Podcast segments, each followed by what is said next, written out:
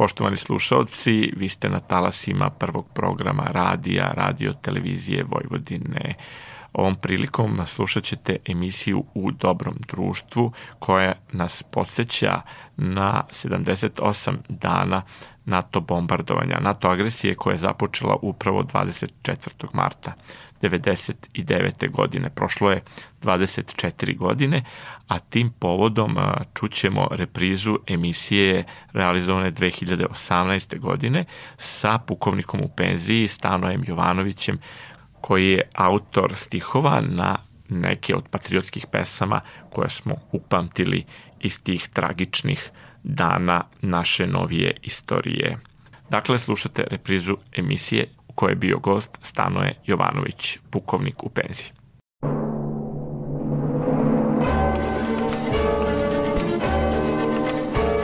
U dobrom društvu.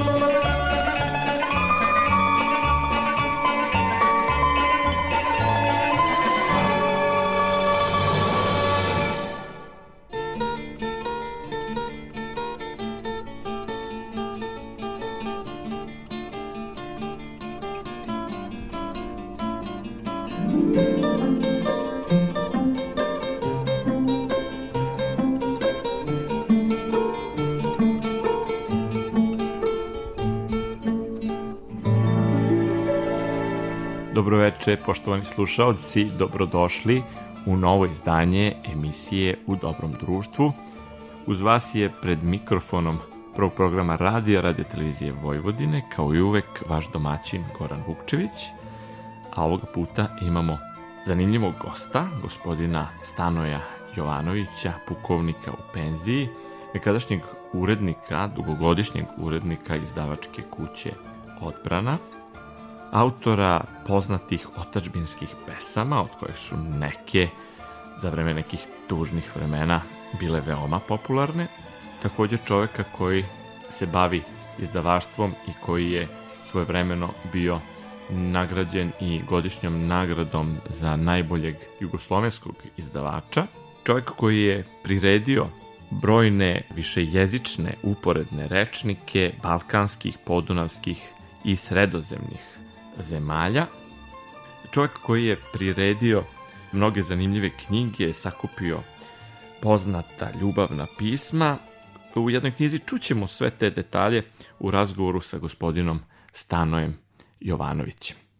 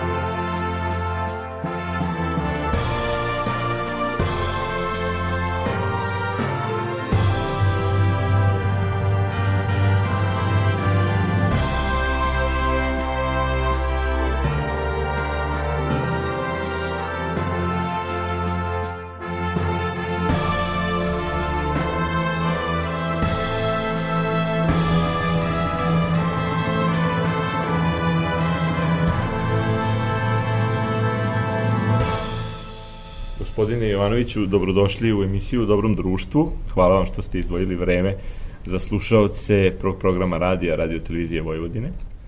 Ovo što smo čuli, najbolje iz prve ruke da saznamo nešto više, ovo je bila balada o Hilandaru. Pozdrav vašim slušalcima. Balada o Hilandaru je zajedničko delo Radeta Radivojevića, kompozitora i moje malenkosti. Pesma nastala nakon posete tom našem velikom manastiru koji naživeo osam vekova i bilo mi je drago da to zabeležim, ostali su jaki utisci koje treba preneti, napraviti stihove. Rade Radivojević napravio dobru muziku i ta pesma već je izvođena na javnoj sceni u Narodnom pozorištu povodom nekih proslava, a bit će napravljen poseban spot uz pomoći vaše kuće koji će biti promovisan početkom juna ove godine uz učešće hora Kraljica Marija, grupe Renesans i umetničkog ansambla Vojske Srbije Stanislav Binički. Meni se jako dopada što vi imate tu volju za stvaralaštvo, taj stvarački žar vas drži, da samo na početku ipak e, kažemo nešto i o pesmi Volimo te otačbino naša, koja je postala hit, a nije rađena namenski da podiže patriotski moral tokom bombardovanja 99. godine, ona je svoju premijeru imala 97.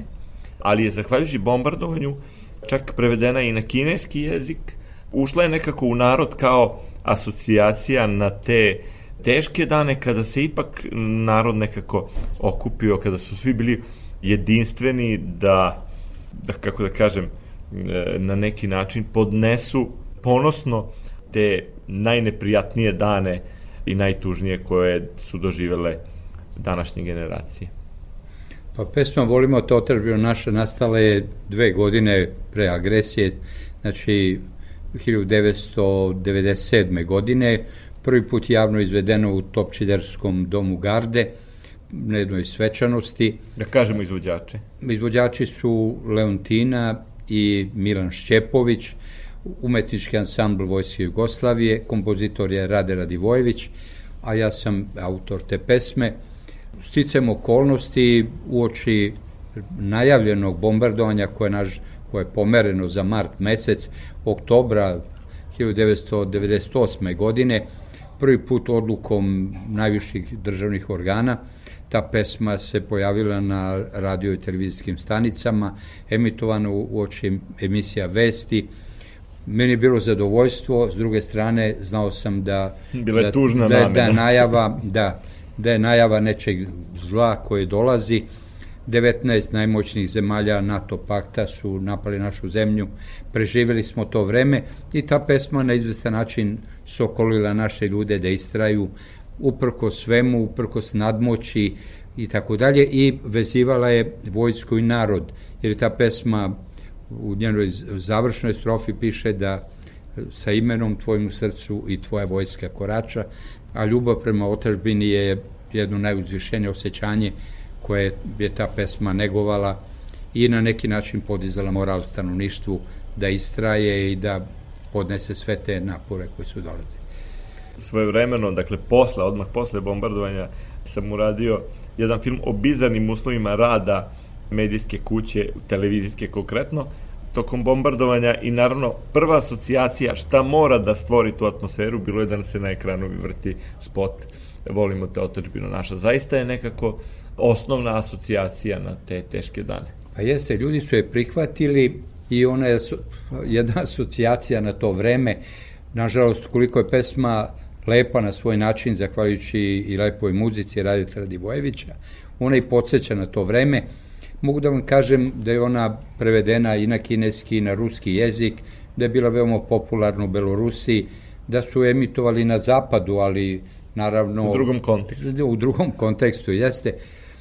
Puno mladih je tu pesmu prihvatilo, doživljavalo kao svoju i za mene kao autora zaista bio sam ponosan na tu svoju pesmu, nisam očekivao da će poslužiti od te svrhe. Drago mi je da je ta pesma snažila ljude, sokolile ljude da istraju.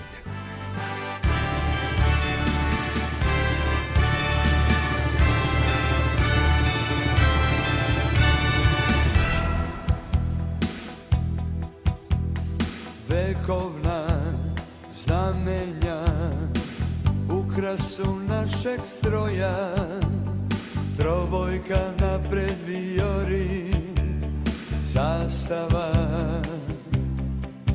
moja i tvoja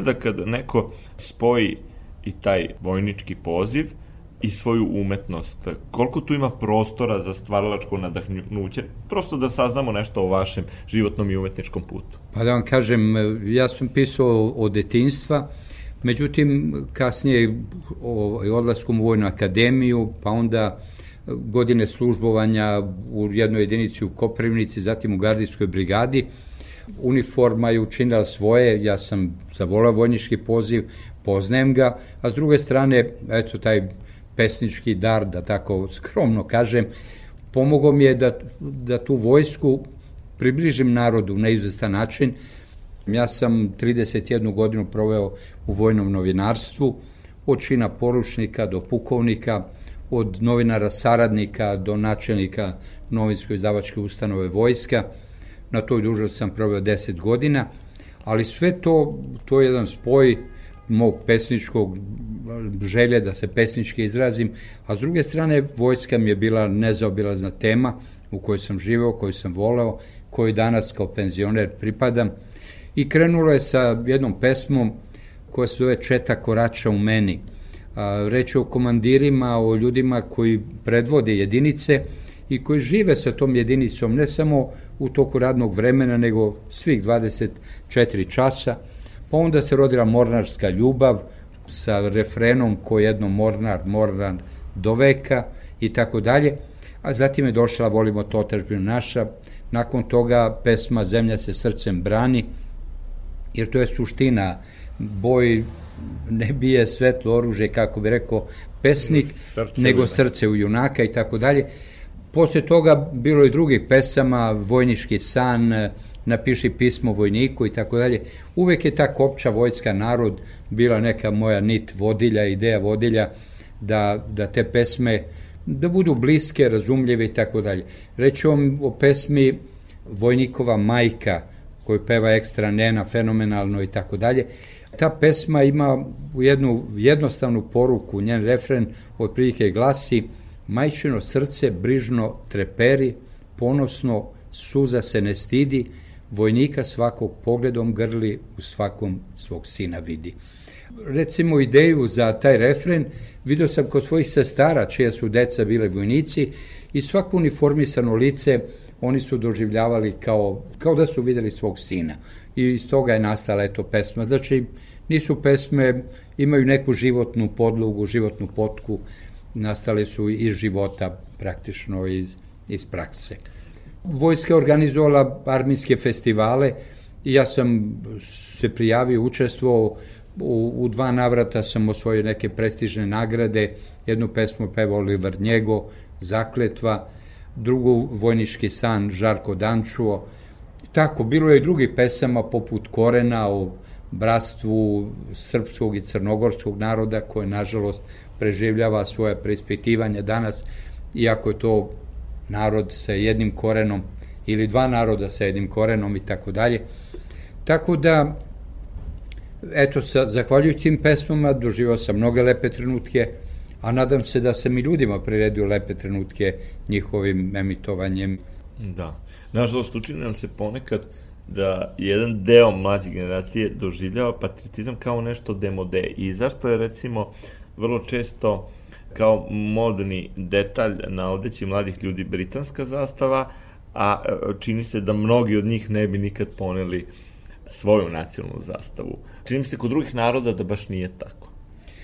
Pa da vam kažem, to je pitanje za psihologe i tako dalje. Međutim, ja verujem da patriotizam mladih uvek je teško, on, on se potvrđuje iznova, jednom smo u nekom razgovoru, kad su pitali kako mladi vojnici doživljavaju bombardovanje i agresiju na našu zemlju, ja sam rekao jednu misao da su ti vojnici preko noći sazreli, ti mladi ljudi. Shvatili su ta ozbiljnost situacije kad ljude stavite u težak položaj, iznedri iz njih neku snagu koja je dotad neotkrivena. I vi ćete puno ljudi opet sresti i mladih koji nasuprot ovima koji obično nose ta zapadna ili ne znam koja druga obeležja, strana obeležja, tako kažem, vidjet ćete i natpise Srbija i, i vezano za događaje na Kosovu i tako dalje. Taj patriotizam postoji u mladima, samo ga treba razgrnuti, stvoriti klimu i vratiti se korenima. Patriotizam se uči od obdaništa, preko škole, u vojsci posebno, na svakom da. mestu, jer otažbina nam je zajednička. Jeste i nažalost imamo toliko primera kako bih rekao, teških golgota e, naše nacije i Balkanski ratovi i Veliki rat. Sad, e, Veliki rat e, kao epopeja, u prilici smo da se podsjećamo i tragičnih i slavnih dana, s obzirom da su aktualne stogodišnjice, ove godine i stogodišnjica pobede, gde je naša vojska i naš narod zauzeo vodeće mesto u, u tim pobedama i iskazanom herojstvu. I imamo onaj primer, recimo, pre Balkanskih ratova pesma Naši dani Vladislava Petkovića Disa nastala 1910. koja govori o jednom sunovratu moralnom, a opet se ta generacije, te generacije su se uzdigle do herojstva i probudio se ogromni patriotizam jer su se posle toga desili Balkanski ratovi i veliki rat i velike pobede i velika naravno stradanja, a niko ne bi očekivao kad pročita naše dane, e tako i naše vreme negde, negde smo došli do priličnog dna, ali nikad se ne zna kad bi se sve moglo uzdići ponovo Jasno. u patriotizam. Svako vreme ima svoje heroje, vi ćete naći puno primera i u Velikom ratu, da je mnogo ljudi, mnogo znamenitih ljudi, pesnika, književnika, političara, svoje sinove uputilo na front. I to Srbiji može da služi na čast, a današnjim generacijama na ugled za ugled. Jeste, i, tako, i, i dijaspora koja je zdušno krenula i mnogo stradala. Dobrovoljci, da. tako dalje, koji su došli hiljadama kilometara udaljeni da brane Srbiju, slobodu i tako dalje. I meni je drago da je danas došlo vreme da se o velikom ratu govori sasvim otvoreno na, na svaki način. velikog rata. Apsolutno, da. jer na izvestan način je bio zapostavljen, s tim što bi napomenuo da preti jedna opasnost da se malo zanemare i ljudi koji su vodili i drugi svetski rat iz naših redova i srpskog naroda i drugih naroda koji žive na ovim prostorima, da se ne ode u drugu krajinu za sad zaboravi. Mm. Za mene je svaki patriota i svaki rodoljub ličnost vredna poštovanja u bilo kom vremenu, pa i 90. godina oni koji su branili našu zemlju i u Hrvatskoj i u Sloveniji, u Bosni i tako dalje zaslužuju puno priznanje jer su se zakleli onoj svojoj zemlji, otažbini Jugoslaviji i, i stali su na njem branik, bez obzira koliko su bile jake te separatističke snage i oni koji su ih pomagali dušno da tu lepu zemlju razbiju i da nas vrate dosta godina unazad. Da, nažalost smo često bili deo nekog scenarija, nekih, nekih i moćnih, moćnih zemalja, ljudi, službi i, i čega već.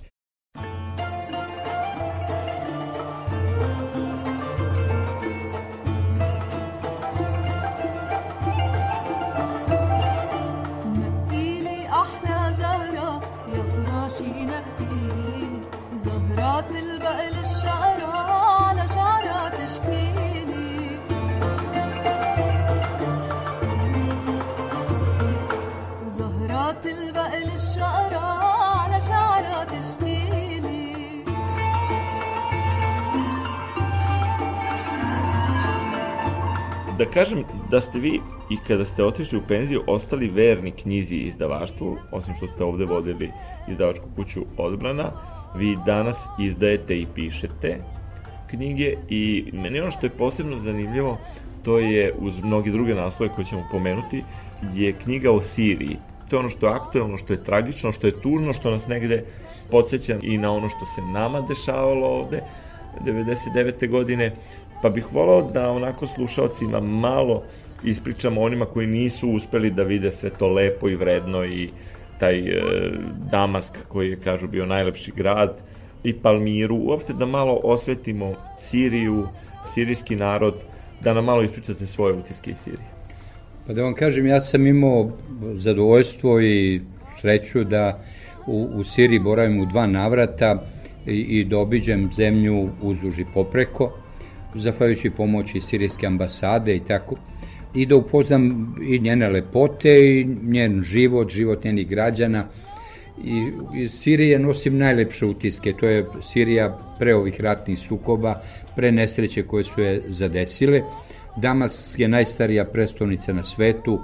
Ja sam knjigu naslovio Kolevka civilizacije i Sirija je zaista to s pravom nosi to ime Sirija je pre Prvog svetskog rata, za one koji to ne znaju, da pomenem, obuhvatala Jordan, Liban, sadašnju sirijsku teritoriju i teritoriju Palestine. Znači, bila jedna moćna država u kojoj su nastale monoteističke religije i hrišćanstvo i kasnije islam i tako dalje, koje su nastale, opstajale jedne pored drugih ili jedna protiv drugih, kasnije jedna pored drugih. I ja sam zatekao Siriju u kojoj ima mnoštvo crkava, manastira, svih e, mislim i pravoslavne i katoličke vere i tako dalje, koje su veoma dobro očuvane, u dobrom stanju, u kojem sveštenstvo obavlja verske obrede, u svakoj crkvi, u svakom manastiru, vidio sam ogromnu sliku sveštenstva sa predsjednikom Asadom.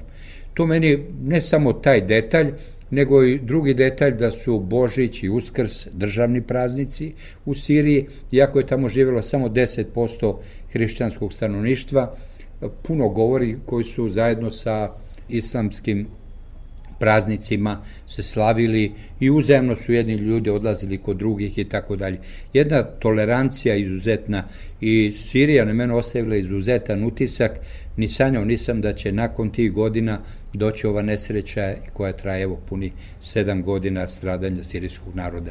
Inače u Siriji ima puno spomenika kulture od pre Isusa Krista, od od recimo Palmire koja se puno provlačila u novinama, to je jedan izuzetan kulturni spomenik sa, kako kažu, hiljadu stubova, sa pozornicom, amfiteatrom iz rimskog perioda, tamo su bili i Grci, i Rimljani, i sirijska jedan vladarka koja je oslobodila Siriju i tako dalje. Da, da, da. Tako da je to pre, koji su da, prebogata su... istorija. Oni su dali šestoro papa potiče iz Sirije i tako dalje. Bila to jedna kultura na visokom nivou. Pored toga, vi ćete naći u samom Damasku najveća džamija Omajada.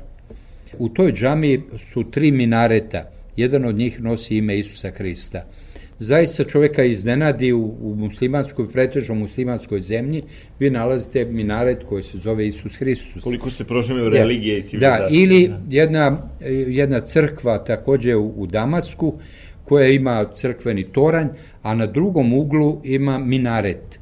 I onda čujete priču da je u vreme epidemije kuge i ne znam kolere i tako dalje bila velika glad i muslimani bogati su pomagali hrišćanima da prežive i oni su znak zahvalnosti podigli minaret na crkvi.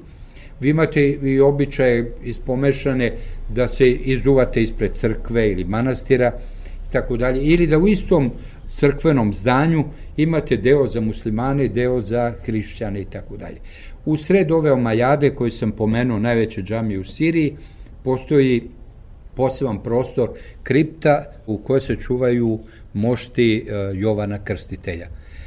Eto, to su sve neki detalji koji govore o izuzetnoj verskoj toleranciji, ne samo verskoj, ljudskoj i tako dalje. To, to su sve utisi Sirije, koja nije zaslužila sudbinu koja je snašla, naravno potpirivano s polja, došlo je tog i građanskog rata u kojoj se uveliko umešale i velike sile i zbog svojih interesa i tako da Ja se nadam da sirijski narod će se izboriti na kraju sa svim ovim nedaćama koje su ga snašle i žrtve nikada neće moći da nadoknade, ali da će se vratiti redovnom životu i nekoj budućnosti izglednijoj. Predao sam jedan putopis e, po Siriji, e, grčke autorke, i tamo su se pojedini sagovnici pribojavali da ne dođe do velike nesreće po tu zemlju, s obzirom da intenzivno neke službe rade da se dogodi zlo. Pa dobro, vidite i sami, svet je sav turbulentan i nespokojan i ne zna se na kom će kraju sveta da izbije sukob i puno pretnji, puno nametanja navodne demokratije. Ja mislim da demokratija najviše zloupotrebljavana reč u savremenom svetu, Sirija je verovatno bila na meti i zbog ruskih baza, jedna od ruskih baza je bila tamo, danas su dve i tako dalje, pa su interesi velikih sila verovatno usmereni na to da Rusija ne bude prisutna u sredozemlju, a Sirija je vodila jednu nezavisnu politiku i to je cena te, te nezavisne politike ove, toliko žrtava.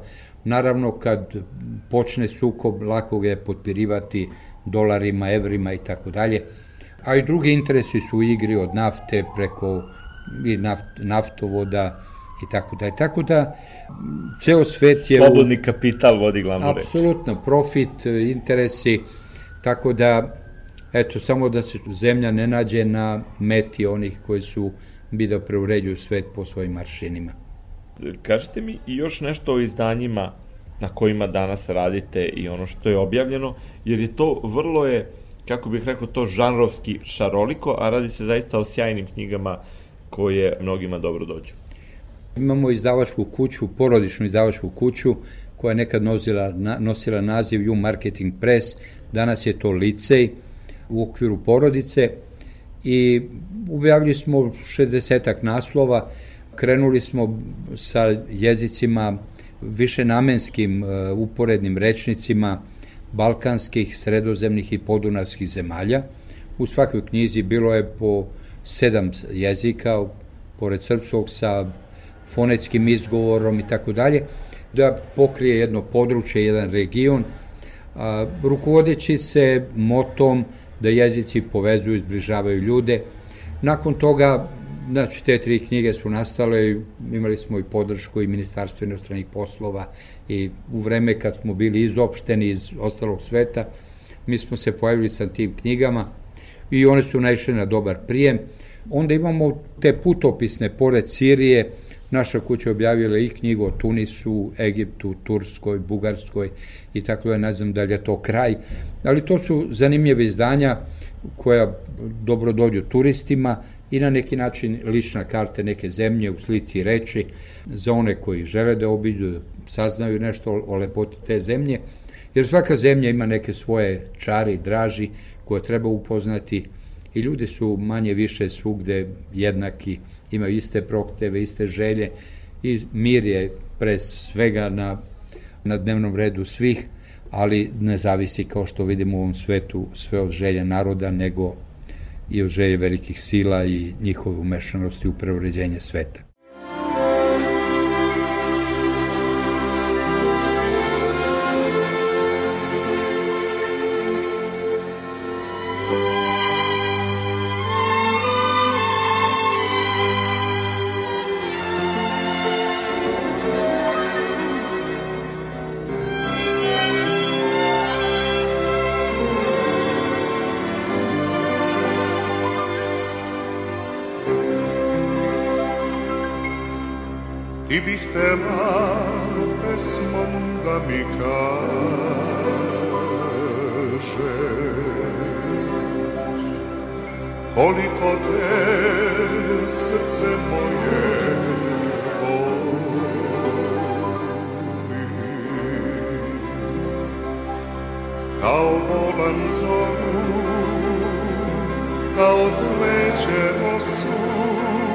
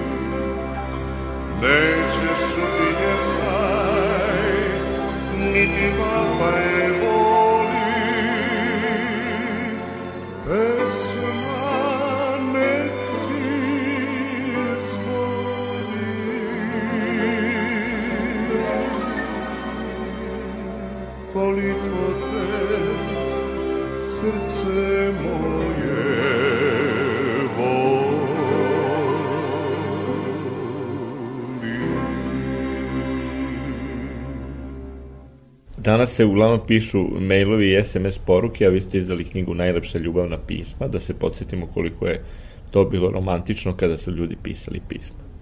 Pa jeste, Dragana Marković i njen suprug Ivan Marković su prikupili građu za stotinak ljubavnih pisama.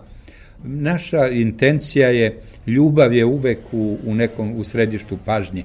Pored najljepših ljubavnih pisama, mi smo objavili najljepše ljubavne pesme naših pesnika, pa stranih pesnika, otprilike brojka 100, 100 pesama, ljudi su vrlo rado želeli da te knjige poklone jedni drugima, da se podsete na lepe stihove, jer ovo ubrzano vreme, malo otuđenja, sajtova, mobilnih telefona, mi smo pokušali da malo ljude vratimo ovaj, da se vrate poeziji, da se vrate ljubavi izvornom, da pročitaju nešto.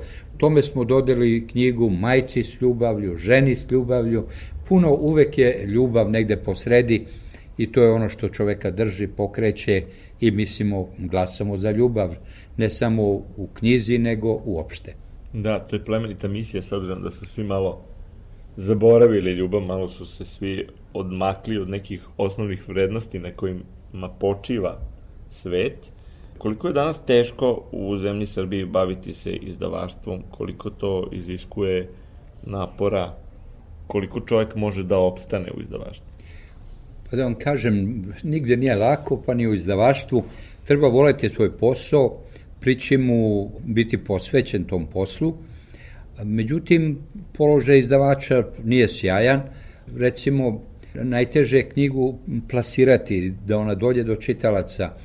Marketinške poruke su skupe, pogotovo za te male izdavače, i onda vi imate knjižare koje uzimaju rabati oko 40% i sad zamislite jednu knjigu koju imate od štampanja preko autorskih honorara, lektora, korektora, recenzenta i tako dalje.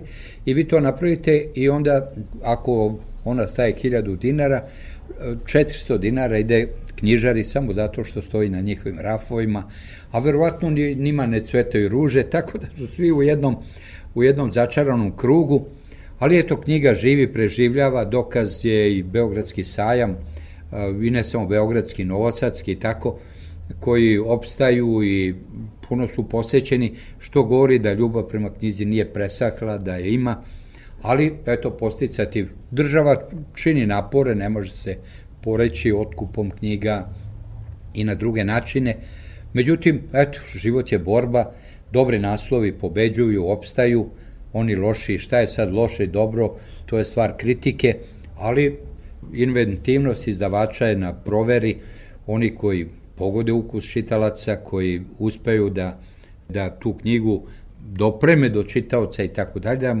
onda oni su uspešni i manje uspešni tako. To sam pomislio, neko ko se bavi potisnutim vrednostima kao što su ljubav i patriotizam u vremenu kada je profit iznad svega, kako može da opstane na tržištu? Pa dobro, eto, mi opstajemo lice i U Marketing Press kao prethodnik, mi smo na tržištu više od 20 godina i tako živimo, nije to, nismo prebogati, ali eto, opstajemo baš izborom naslova, izborom saradnika, mi smo objavili jednu knjigu Raše Popova, 100 najljepših pesama za decu, on je napravio izbor i eto, taj čovjek više nije živ, ali to je jedna divna, divna knjiga koju i odrasli mogu da pročitaju se podsete na svoje detinstvo. A divno je što smo prilici da se set, setimo i divnog Raša. A, Raša je divan bio, eto jedan detalj da pomenem, u, u tih sto dečjih pesama nije uvrstio ni jednu svoju pesmu. Znači, samo je Koliko je pesme skroman. svojih kolega, koliko je bio skroman i na moje da, insistiranje on je ostao uporan da nema njegove pesme. A o svakom pesniku napisao je nekoliko lepih, predivnih rečenica opisujući njegovo stvaralaštvo, sklonosti i tako dalje, najlepše pesme i tako. A meni ono što je divno kod vas, to je što je to je jedna ljubav i prema putovanjima i prema, naravno, svoje zemlje, ali i prema vrednostima drugih naroda i onda je, možemo mnogo drugih prostora da upoznajemo i jezika i kultura. Šta je u planu? Da li će biti još nekih putopisa po nekoj zemlji? Vaš inače sin ima i sajt Moja Grčka, koji je vrlo zanimljiv. Jeste, on radi sajt Moje Grčka. Želimo da ove susedne zemlje pokrijemo. Da, ali da Srbi najviše vole Grčku, uglavnom. da, Grčka je, odavde jasno, najljepša zemlja, najviše ljudi odlazi na odmor i tako. I tu su prijateljska osjećanja koje datiraju još iz velikog rata i da su nas zadužili. Ja sam zadivljen, recimo, ne znam, ime onog kapetana broda koji je odbio da učestvuje u NATO agresiji na našu zemlju i ponosan i na našu crkvu i na našu državu koju su mu odali priznanje. I koji skromno od toga nije pravio veliku reklamu. Jasno, jasno. To, to su veliki ljudi spremni na, ili mali ljudi spremni na velika dela. Tako da, eto, to je ponosan na, i na onog Grka koji je ustupio zemljište za, ne znam, izgradnju tamo gde su sahranjeni srpski vojnici. Da, to i je tako Janis dalje. Janulis i Jeste. njegovi preci neguju ja to. Gde ne divizija imena, bila su to- sahranjena, više to nije I to obrađivano. treba, jasno, i to treba pamtiti St. i jasno, ovaj, to doprinosi i našim današnjim odnosima.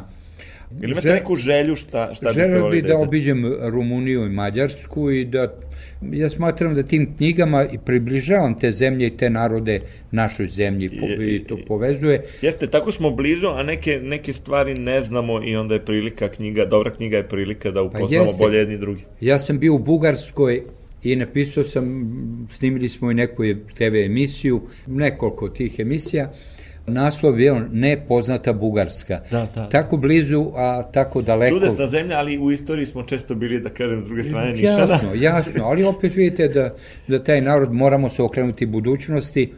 Recimo, moj deda je okočao svoj život u nekom uh, logoru u Bugarskoj. Uopšte ne, nemamo ni traga, ni glasa i tako dalje. da. To nije bila prepreka da ja napišem dobru knjigu, toplu knjigu o Bugarskoj, Ali- da pokažem ono što je dobro, što je vredno, što nas zemlja spaja i tako. da. Lepa zemlja, eto i oni sve više dolaze u našu zemlju, Srbija je otvorena. Deluje i bugarsko-srpsko prijateljstvo. Jeste. Gospodin Bajić je na čelu tog prijateljstva, nedavno i našu kuću posetio bugarski ambasador. Tako je. I... Tako da će Bugarska biti u jednoj od sledećih emisija tema. I on je promoter, eto, naše zemlje sad, pošto predsedava Evropskom unijom, na izvestan način je ovaj skup u, u Bukureštu, Bugarske, Rumunije, Grčke i Srbije. Balkan mora zajedno da Podrška, deluje. jasno, Balkan je bio u prošlosti zajedno i bili su jedni protiv drugih, s nekim zemljama nikad nismo imali sukobe, kao što je Grčka i Rumunija. A eto, s ovim drugim popravljamo odnose, zajednička nam je budućnost, zajednički prostor, Komšije treba da budu u dobrim apsolutno, odnosima. apsolutno. Da, ima još nešto što biste rekli za kraj ovog razgovora, pa do sledećeg susreta ja vam naravno želim dobro zdravlje, ali evo na, na neki način da, da damo neku poruku o, o patriotizmu, jer smo se ovde malo presetili pravog, zdravog patriotizma. Teško je dati pravu poruku. Ja sam, eto, proveo godinu u novinarstvu, radio sam u vojnoj redakciji u Narodnoj armiji, koja se kasnije na, dobila ime vojska, danas je to odbrana, koja traje od, od uh, generala Miškovića, koji je rekao da vojska bez svog lista je kao čovjek bez govora, koliko je on daleko gledao pre 150 godina i tako dalje, imao jednu viziju i značaj pisane reči, I vojno novinarstvo je u osnovi patriotsko novinarstvo. Podrazumeva se patriotizam i tako dalje. Mislim da svaka zemlja treba da neguje patriotizam, ne nacionalizam u onom ružnom svetlu Da, ne šovinizam, naravno. i šovinizam i tako dalje, a on se neguje od malih nogu. Mislim da je porodica tu osnov, kasnije od obdaništa preko škole do radne organizacije i radnog kolektiva u kome neko živi radi, ali je osnov porodica. Mislim da je to prirodno neko osjećanje voleti svoju zemlju, sve drugo je, ne znam, meni, meni neprihvatljivo. Tako I ne, je. I ja čak, e, eto, ne bavim se politikom u onom smislu da pripadam nekoj stranci i tako dalje, ali mi je žao da u ovo vreme velike iskušenja Srbije, da sve političke stranke treba da stave u svoj fokus jedinstvo Srbije, da se izborimo s ovim nedaćama, posebno oko Kosova. Kad smo jedinstveni imamo veće šanse da ovo na čemu se insistira državni vrh, da taj kompromis uh, za obe strane i tako dalje bude što povoljni za nas i da kasnije gradimo neke bolje odnose i tako dalje. Da se ostavi ti interesi borbe za vlast po strani, nego da se okrenemo interesima Srbije. A kasnije kad Srbiji bude dobro, onda politička borba ima svoj smisao i tako. Kao što smo bili delom razjedinjeni prilikom raspada Jugoslavije, bivše, sve druge republike su bile objedinjene oko nekog programa i tako dalje i sve nesuglasice su stavile po strani. Kod nas je paralelno i bila borba za očuvanje srpskih interesa, a s druge strane i borba za golu vlast, što je umanjilo pozicije pregovaračke Srbije u tim odsutnim danima. Eto, zbog toga i ovaj apel i vladajućim i opozicijnim strankama da kažu sada je vreme bitke za Kosovo, za Srbiju, ajmo da stavimo razlike po strani. Tako je, otačbina iznad svega nacionalni romantizam, ljubav prema sobstvenom narodu i naravno prema drugim narodima, ali voleći svoje i poštujući tuđe. Sve najbolje. Hvala i želim vašim slušalcima takođe sve najbolje, a neka svako od njih poradi malo kada je reč o patriotizmu, o rodoljublju, sa svojom okolinom, svojom decom i tako.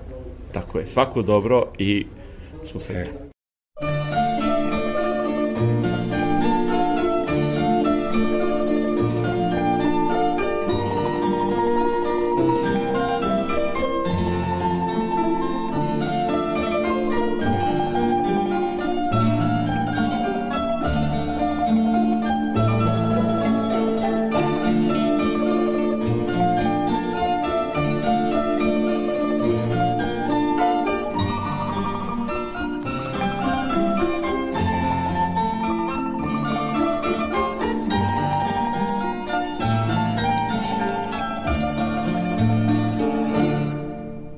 Slušali ste emisiju U dobrom društvu.